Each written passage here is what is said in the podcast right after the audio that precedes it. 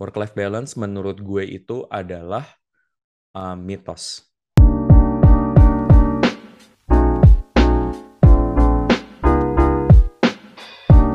Halo Growth Spacer, balik lagi nih di lanjutan dari episode kita sebelumnya bareng Rio gitu ya. Jadi di episode sebelumnya, buat teman-teman yang langsung masuk ke episode ini, better lo dengerin dulu di episode sebelumnya.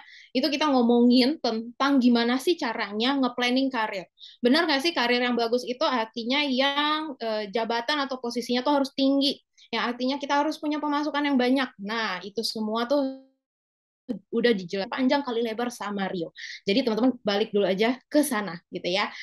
Oke, di episode kali ini gue akan main mitos atau fakta nih bareng Rio soal uh, career planning gitu. Jadi buat teman-teman yang lagi merencanakan karir tapi menemukan banyak kata tapi, tapi kan, tapi kan, tapi kan. Nah, di sini gue mau ngebuktiin nih. Benar nggak sih si tapi-tapi itu yang ada di pikiran kita? Oke, langsung aja ini. Rio, Oke, gue langsung masuk ya, yuk. Boleh. Ke mitos dan fakta. Oke. Mitos dan fakta yang pertama. Hmm. Sering berpindah-pindah perusahaan akan bikin image kita jelek di dunia profesional. Hmm.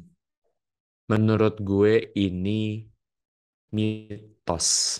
Sebenarnya kalau kalau misalnya boleh milih ini somewhere in between ya hmm. antara mitos dan fakta. Tapi tapi menurut gue kalau ini bukan beneran fakta, menurut gue ini mitos gitu. Okay. Kenapa? Karena menurut gue tergantung banget sama beberapa faktor. Menurut gue yang pertama adalah tergantung sama industrinya. Hmm. Kalau misalnya di industri tempat lo bekerja, itu adalah norma yang sangat lumrah untuk orang itu pindah-pindah kerja, biasanya nggak dianggap sebagai jelek.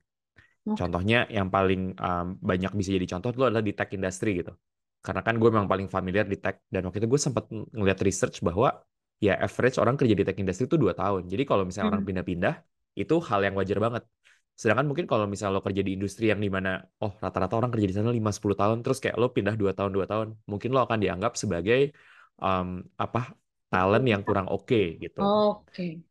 gitu uh, faktor yang kedua menurut gue ya itu kan tadi yang kasat mata yang langsung kelihatan gitu kalau orang hmm. lihat CV atau ngeliat LinkedIn kita Faktor yang kedua juga sebenarnya tergantung sama alasannya, gitu. Karena sering kali kan misalnya kayak kalau kita berpindah-pindah alasannya kenapa nih? Apakah sebenarnya alasannya karena kita ini kurang sabar karena ketika menghadapi sedikit permasalahan di kantor atau sebenarnya karena kita memang senantiasa mendapat opportunity yang lebih bagus dari hmm. tempat lain iya, atau iya. misalnya ternyata kita itu memang tipe yang pengen belajarnya banyak hal jadi kita nggak nggak stick di satu tempat karena kita merasa bahwa kita ini mungkin lebih cenderung menjadi generalis gitu Nah, jadi tergantung banget sama industri dan alasan perpindahan kantor ini tuh seperti apa. Hmm, oke okay, oke okay, oke. Okay. Jadi balik lagi gitu ya. Betul. Motivasinya apa sih yang bikin kita pindah-pindah gitu. Jadi mm -hmm. belum juga teman-teman uh, oh itu buruk gitu. Karena kan Betul. kita biasanya ada ketakutan ketika career planning dan mau menjalankannya hmm. itu kan yuk ah hmm. gue baru hmm. dua tahun di sini atau kayak ya ampun gue baru setahun masa next hmm. move-nya adalah pindah gitu. Hmm. Hmm. Oke. Okay. Jadi sudah terjawab ya teman-teman. Balik lagi. Apa hmm. yang mau dicari dan emang di industri itu sendiri bagaimana? Betul, betul. Dan mungkin kalau gue bisa nambahin sebuah tips ya um, terhadap subjek tadi adalah kalau kita memang suka berpindah-pindah, yang patut buat kita pertanyakan adalah itu kenapa ya gue pindah-pindah gitu. Karena sering kali loh ketika gue ngobrol hmm. sama orang yang berpindah-pindah, mereka nggak tahu kenapa mereka berpindah-pindah. Hmm. Biasanya kalau misalnya berpindah-pindah karena, oh gue nggak cocok sama atasan gue. Tapi ketika kita bisa melihat sebuah pattern, mungkin dari situ kita bisa ketemu sebuah development opportunity. Biasanya misalnya gue pernah ketemu orang yang pindah-pindah. Terus kalau gue tanya kenapa lo pindah-pindah? Ya ini gue orangnya bosenan gitu. At one point kita bisa mengaccept bahwa bosenan tuh hal yang wajar gitu. Oh bosenan wajar lah, orang juga bisa bosen. Tapi at the same time kita juga bisa mengecek apakah ini akan mendukung karir kita ke depannya kalau kita orangnya bosenan. Oke. Okay. Karena at one point misalnya eh, kita mungkin bosen gitu mengerjakan hal yang sama. Tapi jangan lupa juga orang-orang yang bisa menjadi expert di sebuah bidang itu karena mereka terus-menerus melakukan hal yang sama mungkin dengan cara yang berbeda. Let's say misalnya, iya nih gue udah dua tahun di marketing, gue udah bosen. Padahal lo tahu sendiri kan, marketing tuh luas banget gitu. Yeah. Just because dua tahun di marketing bisa jadi mengeksplor bagian lain di marketing. Mm-hmm. Atau kalaupun misalnya gue udah dua tahun di social media, tapi ternyata belum pernah nyoba megang TikTok atau belum pernah nyoba megang Twitter. Itu juga kan sebenarnya hal baru yang bisa didalemin. Nah, jadi be critical terhadap sebenarnya kenapa nih kita tuh berpindah-pindah atau tidak berpindah-pindah gitu. Hmm, oke okay, oke. Okay. Jadi harus kritis juga sama alasannya. Dan Betul. kalau udah tahu why-nya, kita juga bisa ngeliat nih, oh ternyata diri aku kayak gini dan hmm. ini sebenarnya sesuai nggak sama long term goal gue benar. gitu ya. Mendukung. Benar, hmm. benar. Sip. Oke, okay, kita masuk ke mitos fakta kedua. Sip. Ambil career break. Hmm. Jadi, uh, oke, okay, berhenti dulu nih eh, hmm. bekerja. Hmm. Menurut gue ini adalah ini ada elemen mitos, ada elemen faktanya. Kalau gitu berarti mitos. Oke, okay. kenapa? Karena gini, elemen faktanya adalah emang benar akan memperlambat kan di dalam di di short term. Karena misalnya kita karir break ambil tiga bulan enam bulan gitu. Kalau kita ngebandingin progresnya satu bulan ke depan dibandingin sama teman-teman kita pasti mereka lebih maju dong karena mereka kerja satu bulan ini sedangkan kita lagi mengambil karir break. Tapi in the long term, gue ngerasa bahwa karir break ini bisa ngebantu kita dalam perkembangan karir dan menjadi lebih cepat. Hmm. Jadi tergantung banget teman-teman ngeliat lensanya lebih jangka pendek atau jangka panjang. Gua karena lebih cenderung melihatnya jangka panjang, makanya gue menganggap ini adalah sebuah mitos. Nah, pertanyaannya gitu, kenapa sih karir break itu justru mengakselerasi karir kita dalam jangka panjang? Gue bisa bilang gini karena gue pernah mengambil karir break. Gue hmm. mengambil karir break selama tiga bulan. Dan waktu itu, kenapa gue mengambil karir break? Karena gue ngerasa galau nih. Um, waktu itu gue udah kerja kantoran dua kali gitu. Dan unfortunately di pekerjaan kantoran gue dua-duanya, gue mengalami PHK. Hmm. Jadi gue mikir, jangan-jangan gue nggak cocok nih kerja kantoran gitu. Hmm. Nah terus ketika gue lagi berpikir kayak gitu, gue mikir kayak aduh ini nggak bisa gue putusin sekarang nih. Gue kayaknya butuh waktu buat memikirkan emangnya bener nggak sih gue sebaiknya nggak kerja kantoran lagi? Kalau gue nggak kerja kantoran lagi emang gue mau ngerjain apa? Hmm. apa mungkin sebenarnya gue bisa kerja kantoran tapi gue butuh environment yang berbeda? Nah itu pertanyaan-pertanyaan yang kelihatannya simple tapi jawabannya tuh membutuhkan waktu membutuhkan brain space. Karena kita perlu mikirin apa sih kelebihan dan kekurangan kita? Apa sih tujuan karir kita? Apa sih opsi yang kita punya? Gitu Makanya waktu itu gue ngambil career break selama tiga bulan. Selama tiga bulan gue ngelakuin tiga hal. Yang pertama adalah gue melakukan banyak self reflection terhadap diri gue sendiri gitu. Kayak kenapa ya kemarin gue di PHK? Ke depannya prioritas gue tuh mau ngerjain apa? Apa sih yang sebenarnya benar-benar gue enjoy lakukan? Jadi banyak nanya ke dalam. Gitu. Tapi yang kedua juga gue banyak ngobrol sama orang-orang. Jadi waktu itu gue ngobrol sama sekitar 70 orang dalam dua bulan. Dan di situlah di mana gue melatih skill gue untuk networking sama stranger. Dan skill itu gue punya sampai hari ini. Makanya gue sangat nyaman untuk ngobrol sama orang baru. Gitu. Even, if makanya kan itu adalah salah satu contoh di mana kayak itu skill yang bisa kepake banget sampai sekarang. Dan yang ketiga adalah gue melakukan beberapa eksperimen. Kayak waktu itu gue mencoba untuk memulai bisnis baru.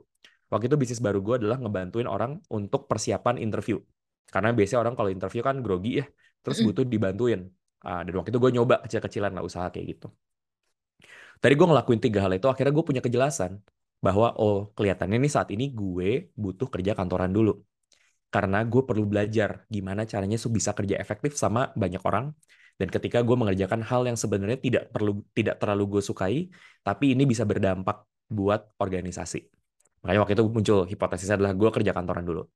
Terus dari kerja kantoran akhirnya gue pilih yang mana? Nah, gue memilih waktu itu adalah kerja di kantor gue sebelumnya itu di Gojek gitu. Karena secara culture, secara project, um, secara orang-orang di sekitar gue itu gue merasa paling cocok sama pilihan yang ada di situ gitu.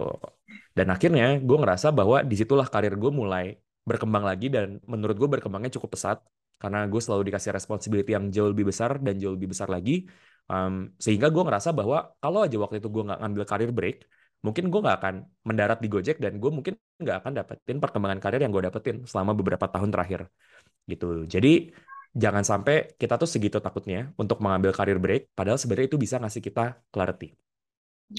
Nah, caveatnya adalah kalau mau ngambil karir break, jangan lupa siapin dulu secara finansial dan secara mental. Secara finansial, again, um, siapin dana darurat, tentuin aja lu mau berapa lama karir breaknya gitu. Uh, waktu itu gue nyiapin dana darurat sebenarnya buat enam bulan, tapi gue karir breaknya tiga bulan, jadi tenang lah, cukup lah gitu. Hmm. Jadi kalau amit-amit gue gak nemu kerjaan yang cocok, masih ada waktu lagi lah buat cari kerjaan. Terus yang kedua adalah secara mental. Secara mental kenapa? Karena lo akan ketemu orang dan orang-orang akan nanya gitu. Lo masih kerja di situ. Ah, Iya, iya. lu ngapain sekarang gitu terus kayak orang pada agak-agak heran gitu kan gitu Ah, jadi siap-siap aja ditanyain kayak gitu dan nggak perlu jadiin itu pressure jadiin aja bilang aja oh ya gue udah nggak kerja lagi di situ gue sekarang lagi nyari-nyari sih ya uh, will take some time lah gitu tapi itu membutuhkan uh, mental yang kuat juga ya karena kalau nggak mungkin kita jadi malah under pressure kan semakin ngelihat kayak orang-orang lain di depan kita gitu tapi menurut gue worth it dan sangat gue sarankan kalau memang lu berada di posisi bisa mengambil career break Hmm, ya, ya, ya. Salah satu challenge dari career break itu ya, ngeliatin progres tuh teman-teman udah sejauh oh itu. ya Ya, gue tertinggal, aduh, sedih jadi ya kan. Ya, ya. Ya. Padahal kita nggak sadar bahwa kalaupun kita misalnya kerja lagi dan kita mencoba untuk balapan sama orang lain, padahal mungkin kita balapan di track yang salah gitu. Karena mungkin bukan itu track yang pengen kita tuju.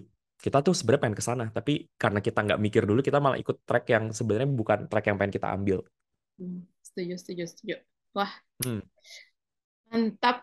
Oke, next. hmm, hmm. Gue ke eh, mitos atau fakta berikutnya. Ini nih Boleh. banyak menjadi perdebatan nih.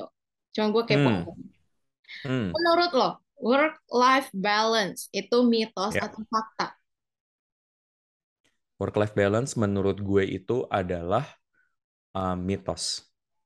Kenapa? Gini. Karena menurut gue tergantung banget definisi work-life balance itu seperti apa. Jadi gue akan membuat definisinya dulu, baru dengan definisi itu gue mengklarify ini adalah mitos. Oke. Jadi menurut gue work-life balance itu muncul dengan sebuah asumsi bahwa there is work, there is life, dan hidup dan kerjaan itu perlu seimbang. Nah, makanya ini sebenarnya mengencourage bahwa oh yaudah kalau kita lagi di kerjaan kita jangan ngomongin kehidupan. Kalau kita lagi di kehidupan kita jangan ngomongin kerjaan. Seakan-akan ini adalah dua hal yang berbeda. Dengan definisi work-life balance kayak gitu, gue ngerasa semakin ke sini itu adalah semakin mitos. Kenapa? Karena in reality, ketika kita kerja, tapi orang tua kita lagi sakit, atau lagi ada urusan di rumah gitu, lagi ada yang bocor atau ada yang apa, nggak mungkin nggak sih kita nggak kepikiran. Iya. Karena kita manusia, right? Ketika kita merasakan emosi sedih atau lagi kecewa gitu, atau kita nggak suka banget sama kerjaan kita, seberapa bisa sih kita memalsukan bahwa kita tuh sebenarnya enjoy sama pekerjaan kita? Karena semakin kita maksain itu, semakin kita nggak enjoy.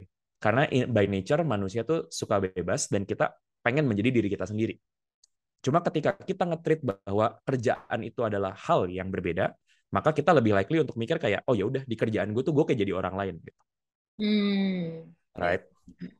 Nah, menurut gue itu tuh udah agak-agak berbeda dengan sekarang. Kenapa? Karena sekarang itu tujuan kita bekerja udah lebih luas dari sekedar mendapatkan uang. Hmm. Banyak yang menggunakan pekerjaan itu sebagai sarana untuk mengembangkan diri, untuk mengejawantahkan value-value yang kita punya, untuk kita itu berkontribusi sama orang lain, atau bahkan untuk mencari teman. Ya. Gitu. Right? Dan lebih besarnya lagi adalah gue percaya bahwa kalau kita lebih bagus di kerjaan kita, kita juga bisa jadi orang yang lebih baik. Dan ketika kita jadi orang yang lebih baik, kita juga bisa jadi orang yang lebih bagus di pekerjaan kita.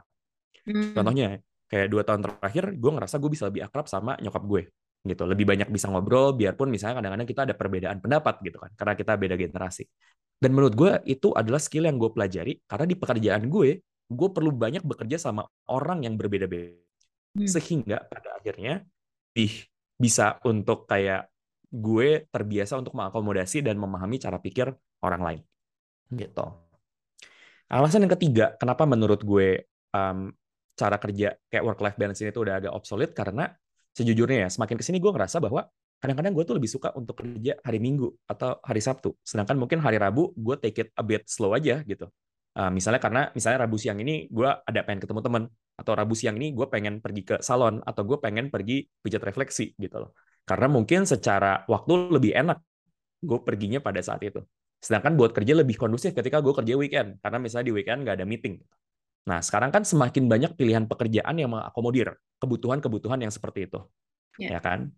Makanya menurut gue semakin blur line antara work dan life. Makanya daripada gua daripada mikirin work life balance, gue lebih tertarik dengan konsep yang namanya work life multiplier, yaitu adalah pekerjaan kita perlu bikin hidup kita lebih baik dan dengan hidup kita lebih baik, pekerjaan kita juga akan lebih baik. Karena sebenarnya dua aspek ini tuh saling ketergantungan satu sama lain. Wow, setuju banget gue sama work life multiplier. Karena emang Hmm, sebenarnya ketika kita kerja itu impact-nya tuh ada ada apa ya ke kehidupan kita gitu. Kayak yang lo bilang betul, tadi ketika betul. lo belajar apa namanya Hmm, untuk ngobrol sama nyokap aja sesimpel itu ternyata itu skill yang bisa kita jadiin apa eh, hmm, skill juga di kantor gitu kan. Betul. Begitupun sebenarnya di kantor gitu ya, ketika kita dealing Hmm, sama orang-orang, terus kita hmm, balik ke keluarga gitu ya, ketemu lagi berbagai macam. Pasti kan walaupun satu darah gitu kan, ya, karakternya beda-beda gitu. Jadi kita juga belajar lagi untuk gimana nih ya supaya eh, kita achieve satu kesimpulan atau satu keputusan. Itu kan juga betul, transferable skill sebenarnya yang bisa kita pakai. Benar banget, benar betul banget. Iya, iya, iya, iya. Oke, next. Hmm, stay di satu profesi itu lebih baik untuk perkembangan karir daripada hmm. pindah-pindah profesi. Oke, kalau ini mitos. Kalau ini lumayan obvious Oke. buat gue ya, buat gue Nah, gitu. Tergantung kalau misalnya lu dokter gitu ya. Kayak oh enggak, gue mau jadi copywriter abis ini, abis itu gue mau jadi videographer, terus jadi dokter lagi. Mungkin itu agak-agak agak berbeda ya, karena kan kalau dokter biasanya mesti kayak di satu track terus gitu kan. ya. Nah, untuk jadi dokter yang qualified. Um, kalau menurut gue lebih baik kita tuh berpindah-pindah sebenarnya gitu. Dengan tadi ya, dengan time frame yang cukup dan dengan cara berpindah-pindah juga yang ethical gitu. Oke. Kayak gimana Um, tuh yang ethical? gimana cara berpindah-pindah yang ethical? Hmm. Cara berpindah-pindah yang ethical itu adalah bukan kita pindah karena misalnya kita itu sering berantem sama atasan kita. Wow. Atau kita itu pindah karena cuma kita mainly ngejar gaji aja Hmm, hmm, gitu. Atau misalnya kita baru kerja sebentar kita pindah-pindah gitu. Jadi menurut gue berpindah-pindah tuh oke selama tergantung lagi tadi balik ke alasannya sebenarnya kenapa sih kita itu berpindah on the very first place. Nah, jadi em, kenapa berpindah-pindah tuh bagus? Karena ngasih kita exposure sebenarnya. Kerjaan apa sih yang sebenarnya kita suka? hmm. Karena ya sejujurnya cari tahu kerjaan yang kita suka tuh susah banget loh menurut gue. Take a look misalnya copywriter gitu ya sebagai contoh gitu. Susah banget untuk bilang sebenarnya kita, kita tuh suka nggak sih jadi copywriter? Karena tergantung banget copywriternya kerjanya di perusahaan apa. Misalnya sukanya di perusahaan uh, startup gitu kayak startupnya yang product centric atau yang tidak product centric misalnya itu bisa membedakan banget apakah lu jadinya suka jadi copywriter atau tidak jadi jadi copywriter atau kayak oh kalau misalnya sukanya cuma yang di product centric atasannya baik atau atasannya lumayan toxic itu juga menentukan apakah kita seneng nggak kerja dengan lingkungan yang seperti itu jadi sebenarnya permutasi untuk cari Hmm. tahu sebenarnya kita suka atau enggak sama pekerjaan kita tuh lumayan banyak Ya. jadinya menurut gue wajar banget kita berpindah-pindah untuk cari tahu sebenarnya beneran gak sih ini yang gue suka gitu. Hmm. Buat gue analogi analogi pindah-pindah karir ini lebih kayak misalnya kenapa kita um, punya pacar dan misalnya kita gonta-ganti pacar gitu kan. Um, in the way that ya udah karena kita juga sama-sama mencari. Misalnya kalau emang orientasinya adalah pengen menikah, kira-kira pasangan seperti apa sih yang cocok buat gue gitu. Dan caranya untuk tahu adalah dengan kita ketemu dengan berbagai jenis orang dan kita akhirnya memilih bahwa oh dari berbagai pilihan itu ternyata gue paling cocok sama orang yang seperti ini. Hmm. Nah, itu juga sama dengan pekerjaan. Karena sama seperti pekerjaan dalam konteks pasangan pun juga kadang-kadang kalau kita cuma ngeliat dari sosial media atau kita cuma ngeliat dari uh, foto gitu, kita nggak benar-benar tahu kan rasanya ketika kita punya hubungan spesial sama orang itu seperti apa. Sama kayak pekerjaan gitu, kita kelihatannya kayak oh pengen banget kerja di perusahaan itu gitu. Tapi kalau kita nggak beneran mencoba, kita nggak bener-bener tahu sebenarnya rasanya seperti apa sih di perusahaan itu. Setuju, setuju, setuju. Ngomongin tadi perbandingan antara kerja Hmm, dan pacaran, itu juga ada hmm, bia- ada kesamaan juga nih, biasanya. betul. Kalau kita Hmm, udah kerja lama, misalnya katakanlah udah tiga hmm, tahun kerja hmm, di industri te- tersebut gitu ya, di hmm, bidang hmm, tersebut. Biasanya kan kita akan hmm, lebih merasa, duh sayang banget nggak sih buang-buang waktu gue tiga hmm, tahun kerja gitu hmm, kan ya. hmm, Eh, gue hmm, udah build portofolio di sini, orang udah banyak, udah trust sama gue, kredit gue udah membangun kredibilitas gitu. hmm, Akhirnya hmm, susah meninggalkan itu, ya kan? hmm, Padahal hmm, mungkin aja hmm. nggak semuanya kok, nggak nggak 100% kita buang kok apa yang sudah kita bangun, Betul, gitu kan? Apa yang sudah betul. kita pelajari, skill-skill yang selama ini.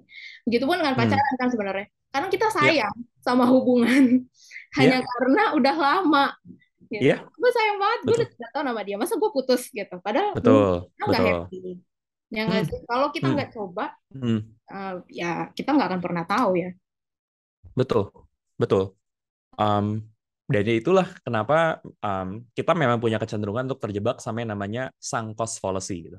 Nah, Itu beneran adalah sebuah bias yang di mana kita itu cenderung untuk mempertahankan karena kita sayang gitu.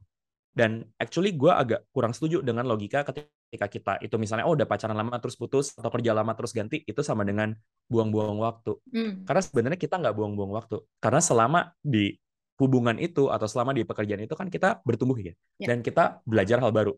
Mungkin kita buang-buang waktu kalau ternyata di hubungan atau di pekerjaan itu kita tidak melakukan yang terbaik gitu. Hmm, Kalau misalnya lo masuk ke pekerjaan terus di pekerjaannya lo asal-asalan, kerja secukupnya aja, nggak profesional, nggak membangun network, ya mungkin itu namanya buang-buang waktu gitu. Ya. Tapi kalau udah memberikan yang terbaik, tapi ternyata nggak cocok juga, justru jadi dapat pelajaran dong bahwa satu, oh gue jadi tahu nih mana yang works dan nggak works buat gue. Dan yang kedua juga kita bisa mikir apa nih ilmu yang bisa gue bawa ke role gue selanjutnya. Gitu. Ya. Yang sangat menurut gue applicable baik dalam hubungan uh, ini pasangan uh, atau juga karir gitu. Gitu kayak kalau misalnya lo dapet orang marketing yang sebelumnya kerja di HR akan beda banget perspektifnya sama orang marketing yang dari dulu di marketing aja.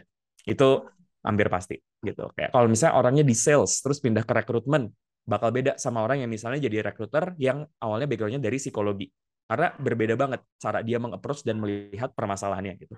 Hmm, hmm, makanya kayak misalnya biarpun gue ngomongin personal development gitu tapi dengan background gue engineering gitu akan memberikan pendekatan yang berbeda dibandingin orang lain yang mungkin datang dengan backgroundnya psikologi gitu dan di sini gue menggunakan kata yang berbeda karena memang menurut gue nggak ada ulti yang ultimately benar atau salah karena adanya pendekatan yang berbeda-beda aja gitu Ya, ya, ya. Sepakat, sepakat, sepakat. Dan sebenarnya nyobain berbagai macam profesi ini bukan artinya kayak 100% langsung pindah gitu ya. Bisa jadi kita ngejain dua profesi yang berbeda gitu at the same time. Ya enggak sih? betul Lo juga betul kan banget gitu. Betul. Eh, lo kerja di kantor tapi content creator juga gitu kan. betul betul No. Betul. At minimum bahkan kalau misalnya mau explore yang kerjaan yang lain dulu, mungkin nggak kalau misalnya udah sampai bikin side hustle udah niat banget gitu. Tapi Hmm. kalau misalnya paling simple aja, ikut webinar dulu deh Ya. atau mahamin dulu deh itu kerjaan yang yang yang pengen kita coba yang baru tuh kerjaan apa sih? Misalnya contoh yang lagi lumayan hype adalah oh pengen jadi product manager. Emang product manager tuh kerjanya ngapain sih? Ada webinar product management ikut dulu dong gitu. Jadi tahu nih oh product manager tuh seperti ini gitu. Kalau pembicaranya cuma bilang kayak hal bagusnya bisa tanya, oh kak yang kurang oke deh jadi dari product manager tuh apa gitu. Karena kan kita perlu tahu ya kalau misalnya kita sampai pindah karir atau kita pindah ke sebuah pekerjaan, kira-kira konsekuensinya apa nih dari pilihan karir ini gitu. Dan itu yang kan yang bikin kita lebih aware. Jadi kita nggak harus langsung tiba-tiba resign dan ganti karir, kita bisa mulai dari cari informasi dulu, nyobain itu on the side, baru akhirnya memutuskan apakah kita mau pindah atau enggak. Dan framework ini uh, gue um, gue pakai banget dalam menentukan pilihan karir gue gitu. Gue udah pernah bikin YouTube videonya juga di channel gue. Judul videonya itu tentang lean karir. Jadi kita itu menggunakan prinsip lean startup yang selama ini dipakai buat uh, bikin produk. Hmm. Gitu. Jadi lean startup itu adalah sebuah um, filosofi di dalam pembuatan produk di mana daripada kita bikin produk langsung jadi, gimana kalau kita tuh bikinnya kecil dulu, kita tes, baru kita lihat apakah ini perlu kita gedein lagi atau enggak. Gitu.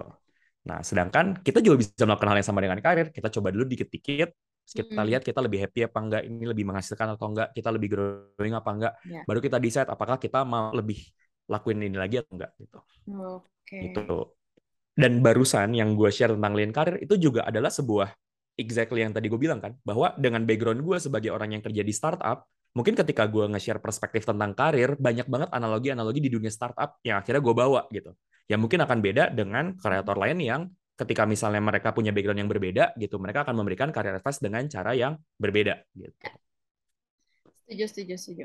Gue mau nambahin dikit nih, karena Boleh, boleh. keingetan apa apa yang waktu itu eh, John bilang gitu. Jadi Hmm. dia bilang gini, Hmm. waktu apa ngomongin tentang karir, kita sering banget Hmm. berpikir kayak gue ada dua tahun di sini, gue udah tiga tahun, bahkan lima tahun di sini, masa gue pindah gitu kan, Hmm. gue berganti karir. Sayang nggak sih? Kayaknya gue sia-sia. Hmm. Padahal sebenarnya tidak Hmm. sia-sia. Coba pikirkan, lo mending kalau misalnya kita anggap itu sia-sia ya, si 2 sampai 5 tahun ini sia-sia. Anggaplah Hmm. lo mau ngebuang lima tahun lo yang Ya. ibarat kata lo sudah tidak merasa happy di sana atau Ya. sudah nggak serp di sana, apa Hmm. lo mau ngebuang eh, 25 tahun lo? Ya. Karena kita berkarir kan sepanjang itu gitu kan ya. That's true. That's true. Nah, itu. Jadi ya udah, kalau misalnya harus di apa Hmm. itu para trade off gitu ya. Mendingan ya udah daripada kita sepanjang Hmm. hidup ngerjain suatu hal yang jadinya kayak robot gitu ya. Datang Hmm. ya kan karena kalau kita nggak happy kan jadinya ujung-ujungnya kita kerja kayak Hmm. robot kan. Betul, Jadi betul. ya mendingan ya udah selesaikan aja dulu gitu. Dan sisanya kita bisa hidup sesuai dengan apa yang kita mau dan kita happy. Mantap, mantap. Bagus juga tuh perspektifnya. Oke, next. Eh, ini yang terakhir. Hmm. Nah, Hmm. mitos dan fakta. Hmm. Eh, punya orang dalam bikin karir mulus. Ini nih biasanya yang bikin orang keringet dingin dan kesel. Ya, ya. Menurut lo gimana? Menurut gue ini fakta. Oke. Ya, ini fakta. Jadi, oke, gue akan dan ini poin yang kontroversial. Jadi gue perlu menjelaskan gitu kan. Um, menurut gue fenomena orang dalam nih sering banget um, dan menurut gue ini muncul um, karena misalnya in the past gitu banyak situasi di mana oh karena dia ini anaknya siapa maka dia langsung dapat uh, privilege langsung posisinya tinggi gitu kan jadi jelas banget ketika kita ini punya kenalan orang dalam tuh bisa mendapatkan privilege yang seperti itu gitu cuma menurut gue privilege kayak gini agak-agak kurang ethical gitu. Karena ini sebenarnya jadinya melawan ide yang disebut namanya meritokrasi di mana kita memilih seseorang berdasarkan kemampuannya kalau misalnya ini adalah family business yang di mana ya gimana pemiliknya ya udah gitu. Itu emang konsekuensinya ya. Kalau kita kerja di perusahaan keluarga gitu. Ya kalau kita nama marganya beda ya maka kita nggak dapat prioritas kita agak susah buat naik level. Ya udah itu adalah salah satu konsekuensinya gitu misalnya ya. Untuk perusahaan keluarga yang masih sangat kekeluargaan tapi sekarang udah makin banyak loh by the way perusahaan keluarga yang mereka percaya bahwa mereka tuh perlu di manage secara lebih profesional. Sehingga mereka punya sistem KPI jadi biarpun anggota keluarga bisa aja dianggap tidak perform. Nah tapi kasus orang dalam yang pengen gue bahas lebih jauh adalah ketika kita itu bisa build professional relationship sama orang yang ada di dalam perusahaan maka itu akan ngebantu kita buat kita masuk ke dalam perusahaan tersebut. Karena gini kita ribut, kita ribet-ribet bikin CV yang ATS friendly supaya CV kita lolos dari ATS. Right? Padahal belum tentu CV kita lolos dari ATS to begin with karena CV kita mungkin dianggap tidak qualified sama applicant tracking system. Tapi begitu kita lolos gitu kan dan mulai dilihat sama recruiter, kita bersaing sama ratusan CV lainnya terhadap posisi yang sama gitu. Jadi kebayang nggak pintunya, bayangin sebuah pintu, pintunya ada satu, sudah 200 orang yang mau masuk. Tapi sebenarnya di gedung itu ada pintu lain yang nggak kelihatan. Ketika lo dorong, nggak ada orang lain, cuma ada lo doang gitu, di situ. Nah, gimana cara kita menemukan pintu tersebut dengan ethical? Adalah dengan kita itu membangun network. Makanya sering-seringlah bergaul, sering-seringlah ikut acara komunitas. Kalau misalnya dan kayak misalnya kalau yang konkret gitu, lo datang ke webinar gitu ya. Webinarnya pembicara si kakak ini dari perusahaan apa? Nanyalah sama dia gitu. Atau kayak bikin pertanyaan yang bagus, jadi lo di notice. Atau misalnya abis selesai webinarnya, add dia di LinkedIn. Terus ketika add di LinkedIn, jangan cuma bilang kayak, kak aku tadi datang ke webinar kakak, uh, webinarnya bagus banget, makasih ya kak. Gitu. Itu kayak menurut gue kalau kayak gitu, oke okay lah, lo lebih depan daripada banyak orang, tapi masih buat pintu yang lo masuk masih ada 10 orang selain lo gitu. Tapi kalau mau benar-benar jadi orang nomor satu atau satu-satunya orang yang menemukan pintu itu, lo bisa bilang bahwa kak uh, tadi di di webinar tadi kakak sempat bilang bahwa kakak juga lagi explore juga ya tentang dunia desain. Kebetulan aku tuh desainer kak, jadi aku biasanya kalau belajar desain tuh pakai kayak begini begini begini begini gitu. Ini kak ada beberapa contoh desain yang kakak bisa pelajari kalau kakak memang ingin memperdalam tentang desain. Terus kayak, eh gimana kalau si kakak product manager nih pengen belajar tentang desain, tapi kita itu bukan desainer gitu. Kita bisa aja ngasih resource. Misalnya kita googling gitu, how to be a good designer, terus kita ngeliat bahwa, eh ini resource bagus banget. Kita kasih aja, kak, thank you banget ya buat webinarnya. Di webinar tadi kakak bilang kakak tertarik sama desain. Ini kebetulan aku nemu resource yang cocok buat kakak. Nih kak, silahkan gitu. Jadi kita coba add value dulu ke orang tersebut gitu. Atau opsi lain ya, misalnya kayak si kakaknya nggak bilang gitu bahwa dia tuh butuh sesuatu gitu. Lo bisa bilang bahwa uh, misalnya lo reach out dua bulan lagi, kak, aku datang ke webinar kakak. Waktu itu kakak bilang konsep produk roadmap. Uh, hari ini aku coba uh, dua bulan terakhir aku coba bangun produk roadmap buat produk aku yang side project yaitu bikin personal website. Ini loh kak bentuk produk roadmapnya kayak begini. Aku nggak meminta feedback dari kakak, tapi aku cuma mau ngabarin aja karena sekarang aku jadi bisa lebih terstruktur lagi kalau bikin website. Makasih banyak kakak ya. Lo bakal jadi orang yang berbeda dibandingin semua orang lain yang apply buat posisi itu. Gue yakin. Tapi in an, in an ethical way. Jadi takeaway-nya adalah apa? Adalah coba cari koneksinya. Kalau bisa lo add value sama orang itu, kalau nggak bisa, seenggaknya tunjukin bahwa lo tuh niat belajar. Karena dengan nunjukin lo niat, nunjukin lo niat belajar bukan bilang kayak aku belajar banyak dari sesi kakak, tapi dari ilmu yang dia sharing, lo praktekin dan lo kasih bukti dari ilmu tersebut ke dia gitu. Gitu. Karena mereka akan suka banget sama hal-hal seperti itu karena ketika lo ketemu pembicara di webinar yang sharing, mereka sharing karena mereka peduli dan mereka pengen orang lain itu berkembang. Dan salah satu sumber inspirasi buat mereka adalah ketika orang yang di-share ilmunya itu mempraktekkan ilmu tersebut. Gitu. Jadi lo bisa menjadi pembeda dengan hal-hal seperti itu.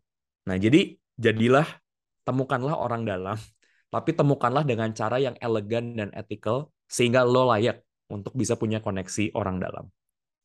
Hmm, mantap, mantap, mantap. Dan ini juga sebenarnya kan skills ya, skills networking, yeah. memperluas yeah. begitu. Betul, betul. More on that, gue gue pernah bikin YouTube videonya juga cara network with stranger. Gue bener-bener outline step by stepnya. Karena beneran dengan bisa network with stranger ya, gue banyak banget dapat project, dapat kerjaan, dapat opportunity yang nggak mungkin didapetin kalau gue nggak ngobrol sama stranger. Wah, ini kayak gue juga harus nonton nih. Karena ini ilmu penting banget. Hari banget. ini sebenarnya kan kita lebih bisa lebih maju gitu ya. Kalau kita berpikirannya banget. adalah apa-apa tuh kolaborasi. Saya yeah. akan lebih maju kalau berkolaborasi instead of kompetisi gitu ya. Ya. Karena kita kalau yeah. kita sendirian, siapalah yeah. kita, gitu kan. Betul. Kalau kita kolaborasi justru mungkin kita bisa maju lebih jauh. Betul. Uh, dan lebih lama lagi gitu. Hmm. Betul. Hmm. Okay. Betul. Nah, tadi apa nama YouTube-nya? Network with your stranger. With strangers. Betulnya. With network with strangers gitu. Strangers. Itu Kayak kalau gue bisa kasih satu contoh lagi ya, uh -uh. kan ya, okay. yang menurut gue mungkin relatable juga gitu buat hmm. lo sebagai copywriter gitu. Misalnya kayak uh, si kakak ini punya website gitu. Terus menurut menurut lo websitenya kopinya kurang bagus gitu. Hmm. Kayak kak tadi aku datang ke webinar kakak tentang product management. Makasih ya aku belajar ilmunya. Uh, kebetulan aku di copywriting dan aku ngeliat websitenya kakak. Aku ada beberapa suggestion sih kalau kakak berminat gitu. Langsung aja kasih, hmm. belum gitu. Jadi langsung add value ke orang hmm, itu gitu. Okay. Wah. Jadi instead of bilang kayak apakah kakak butuh seorang copywriter, terus langsung kayak ah ngapain orang ini kan cuma personal website doang gitu kan gitu atau kayak misalnya video editor gitu kan. Kayak daripada apakah kakak mencari jasa video editing? Daripada gitu mendingan ambil satu video YouTube-nya terus edit bikin lebih bagus terus kirim balik. Kak aku lihat kakak bikin YouTube. Kebetulan aku adalah video editor. Aku ngerasa bahwa ada yang bisa diimprove nih kak. Ini contohnya kalau kakak suka kakak kasih tahu aku ya gitu. Langsung kita add value berdasarkan expertise kita pada saat itu juga. Tuh. Iya. Itu kayak berasa lebih wow gitu ya. Karena kita langsung lihat real project apa kerjaannya dia gitu kan. Betul dan itu soft selling banget ya kita nggak ada keinginan untuk ini. Jadi orang tuh ngelihatnya ih ini orang bisa begini nih. Wah Gila. kayaknya kalau dia tiba lagi butuh bisa langsung di hire ya. Kalau misalnya dia lagi nggak butuh mungkin di waiting listnya nomor satu gitu. Betul. Betul. Okay. atau kalau mau yang lebih simpel lagi sesimpel bikin microblog atau bikin hmm. post berdasarkan takeaway kita dari uh, webinarnya dia itu juga kan udah value add kan gitu. Benar, benar, buat benar. dia kita membantu untuk memarketingkan dia juga gitu kan. Ya, iya, iya, betul banget, betul banget. Jadi sebenarnya banyak banget ya caranya ini. Banget. Jadi teman-teman di sosmed itu juga jangan apa ya dulu mungkin kita pikir sosmed ya udah cuma buat hahaha sama teman-teman gitu kan untuk connect sama teman-teman yang udah lama nggak nggak ketemu gitu untuk untuk pamer-pamer gitu nggak nggak teman-teman kita bisa ngubah banget ini mindsetnya jadi sesuatu hal yang benar-benar bermanfaat banget buat kita yeah. ya salah satu itu tadi ya mem, apa buat networking membuka peluang baru dan tadi dengan cara yang elegan dan ethical. Jadi orang juga Betul. wah ini nama kamu nomor satu. Itu Betul. sangat maknyus sekali. Oke. Okay. Betul. Disclaimer aja ini tidak selalu berhasil ya teman-teman. Ya. Gue udah melakukan ini puluhan hingga ratusan kali. Ada juga ditolak. Ada juga gue nggak dibales. Ya nggak apa-apa. Namanya juga nyoba kan. Gitu. Iya betul betul betul betul. -hmm. Sebenarnya juga nggak ada formula yang pasti berhasil nggak sih? Ada. Jadi nggak ada. Uh, ada yang pasti. Hmm. Iya. Palingan ya semua orang juga pasti akan bilang ya maksudnya ini tingkat keberhasilan sekian persen paling cuma seperti itu jadi tetap hmm. ada uh, peluang-peluang gagal dan it's okay namanya kita belajar betul. kita bertumbuh dan kita juga nggak tahu kebutuhan mereka ya nggak sih betul betul ya udah betul kita cuma bisa nebak kan sebenarnya dari Betul. informasi yang mereka sharing sebelumnya di training atau kalau mereka kebetulan adalah konten kreator atau suka ngepost, kita bisa tebak kira-kira mereka lagi tertarik sama subjek apa gitu. Um, tapi kalau misalnya salah ya sudah gitu. Ini kan bagian dari latihan ya. Kayak gue udah gue gue sering banget masih dikacangin sampai sekarang ya nggak apa-apa juga. Ya. Mungkin si penerimanya nggak merasa bahwa itu relevan buat mereka, and that's okay gitu maksudnya kayak kita segitu takutnya sama penolakan padahal sebelum terjadi penolakan kita juga sama-sama nggak kenal sama dia gitu jadi ya. kita nggak kenal kita nggak terlalu kenal kita nyoba dia nggak jawab kita tetap nggak kenal ya udah jadi kan sebenarnya nothing tulus kan ya, mungkin betul. yang agak kita merasa agak hilang tuh adalah harga diri gitu kan. Hmm. padahal sebenarnya kayak it's it's a very old way to look at that problem gitu. Harga diri kita tuh nggak ditentukan dari orang tuh balas kita atau enggak mungkin dia lagi sibuk mungkin dia lagi nggak aktif di sosial media atau mungkin dia nggak tertarik gitu. And that's okay itu pilihan dia gitu. Mm. yang penting kita melakukan apa yang udah bisa kita uh, lakukan gitu. Oke okay. ya benar-benar. Setuju setuju setuju nah kalau tadi kan ethical ya bahkan gue jadi keingatan satu cerita dari temannya uh, apa namanya uh, suami gue gitu ya dia dapat hmm, kerjaan hmm. itu di kantor suami hmm. gue waktu itu adalah dengan cara nge DM si uh, apa namanya atasannya dia langsung jadi kayak hmm. halo, gue seorang ini, gue lagi ini. Hmm. Uh, hmm. Kalau lo butuh ini ini, uh, apa namanya, gue sedang available kerja, bla bla bla. Gue setelah kerja. Yeah. Jadi dia ngenalin dirinya dia, terus kasih yeah. ini LinkedIn gue. Jadi dia approach itu di LinkedIn dan kebetulan memang dia akan buka. Yeah. Jadi pas banget. Jadi yeah. kayak oh, oh dia lihat nih, oke okay, kita interview. Wow. Yeah. Gitu. Kasus yang sangat bagus, bisa menjadi inspirasi gitu. Hmm dan yang lebih yang lebih kerennya lagi juga ini bisa applicable ketika lo mau pindah ke tim lain di kantor yang sama gitu. Oh. Dengan lo kenal daripada misalnya kayak lo tiba-tiba bilang ke bos lo kayak eh gue pengen pindah nih ke tim itu gitu. Tapi kalau lo udah punya kenalan di tim itu akan jauh lebih gampang karena nanti dia akan bantu buat bukain jalan. Jadi ini juga bisa berlaku nggak cuma ketika kita nyari kerjaan baru tapi ketika kita mau internal transfer di dalam uh, di dalam company gitu. Karena kan sebenarnya kalau company udah cukup gede ya, kalau lu kerja di company yang lebih dari 100 orang, hmm. udah ada kayak departemen-departemen sendiri kan. Sehingga di sana ada orang dalam di departemen itu, orang dalam di departemen itu gitu. Dan selama kita mendapatkan koneksinya dengan cara yang halal, ethical dan elegan, kenapa enggak gitu. Betul, betul. Setuju, setuju. Karena toh berikutnya akan diseleksi lagi kok gitu loh. Biasanya ya, nggak akan langsung tiba-tiba dikasih posisi juga gitu. Kayak hmm sama juga ya kalau teman-teman familiar sama ide referral gitu. Dikira bahwa ketika kita di refer sama orang tuh oh, udah pasti keterima. Nggak kayak gitu gitu. Di refer itu cuma supaya kita itu bisa diproses sama recruiter. Pada akhirnya akan tetap diinterview lagi dan akan dilihat apakah kita itu cocok atau enggak gitu. Jadi referral tuh beda ya sama orang dalam yang di mana orang dalam itu maksudnya lo bisa langsung masuk tanpa seleksi gitu. Hmm. Referral tuh agak berbeda gitu. Ya, ya. Benar, benar, benar, benar tetap ada proses apakah tetap uh, ada proses. dan tes tes interview interview yang untuk melihat apakah memang uh, kamu yang kami cari gitu kan. Betul betul. Dan apa ya dan another thing to add adalah kadang-kadang kita sirik sama orang yang bisa masuk karena privilege itu tapi kita pernah mikir nggak sih kalau kita jadi dia juga mungkin nggak sehappy itu? Ketika kita tahu bahwa mungkin kita nggak qualified buat posisinya semua orang ngomongin kita dan kita ngerasa kita juga nggak nyaman gitu. Yang kayak ya gue juga sebenarnya nggak mau ada di posisi ini. Mungkin gue disuruh gitu kan. Iya. jadi coba deh kadang-kadang kita juga berempati lah sama orang-orang yang ada di posisi itu gitu. Karena sebenarnya mungkin mereka juga tidak senyaman yang kita kira gitu betul betul betul.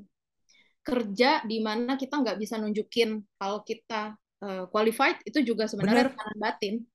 Eh tekanan batin banget loh. Gue kalau misalnya tiba-tiba di kerja gitu ya di video editing gitu gara-gara misalnya ini perusahaannya saudara gitu tapi gue nggak bisa video editing. Ya pasti gue kayak keringet dingin lah. Kayak gue tahu nih orang-orang pasti ngomongin gue gue nggak bisa video editing gitu kan gitu. Iya atau walaupun misalnya cuma basic taunya tapi kan orang yeah. expect-nya lu bisa segini iya. segini. Iya. Nah, bener gitu. bener. Gitu. Jadi jadi orang-orang yang masuk karena orang dalam juga nggak semudah itu loh teman-teman. Jadi di sini gue tidak membenarkan ya prak, prak, praktis orang dalam tapi mengajak lebih berempati aja lah gitu. Ya. karena kita kadang-kadang terlalu gampang buat ngejudge orang gitu. Padahal mungkin mereka juga kalau bisa memilih mereka tidak mau berada di posisi itu hmm. gitu. Benar benar benar benar. Oke wow. Ini tanpa sadar seperti tadi ya kita kalau udah ngobrol banyak Pastinya. banget yang banyak Pastinya. yang dibahas. Oke, okay. so teman-teman ini uh, pertanyaan gue atau kalimat-kalimat yang akan ditanyakan tentang uh, ke Rio tentang mitos dan fakta itu udah habis. So, inilah akhir dari perbincangan gue dan Rio. Thank you banget udah dengerin. Thank you juga Rio udah ngeluangin waktu. yang Sama-sama, maaf banget ya kalau ini jadinya ngaret. Apa? Seru kok, seru. Oke, sip. Oke teman-teman, kita ketemu lagi di episode berikutnya. Bye.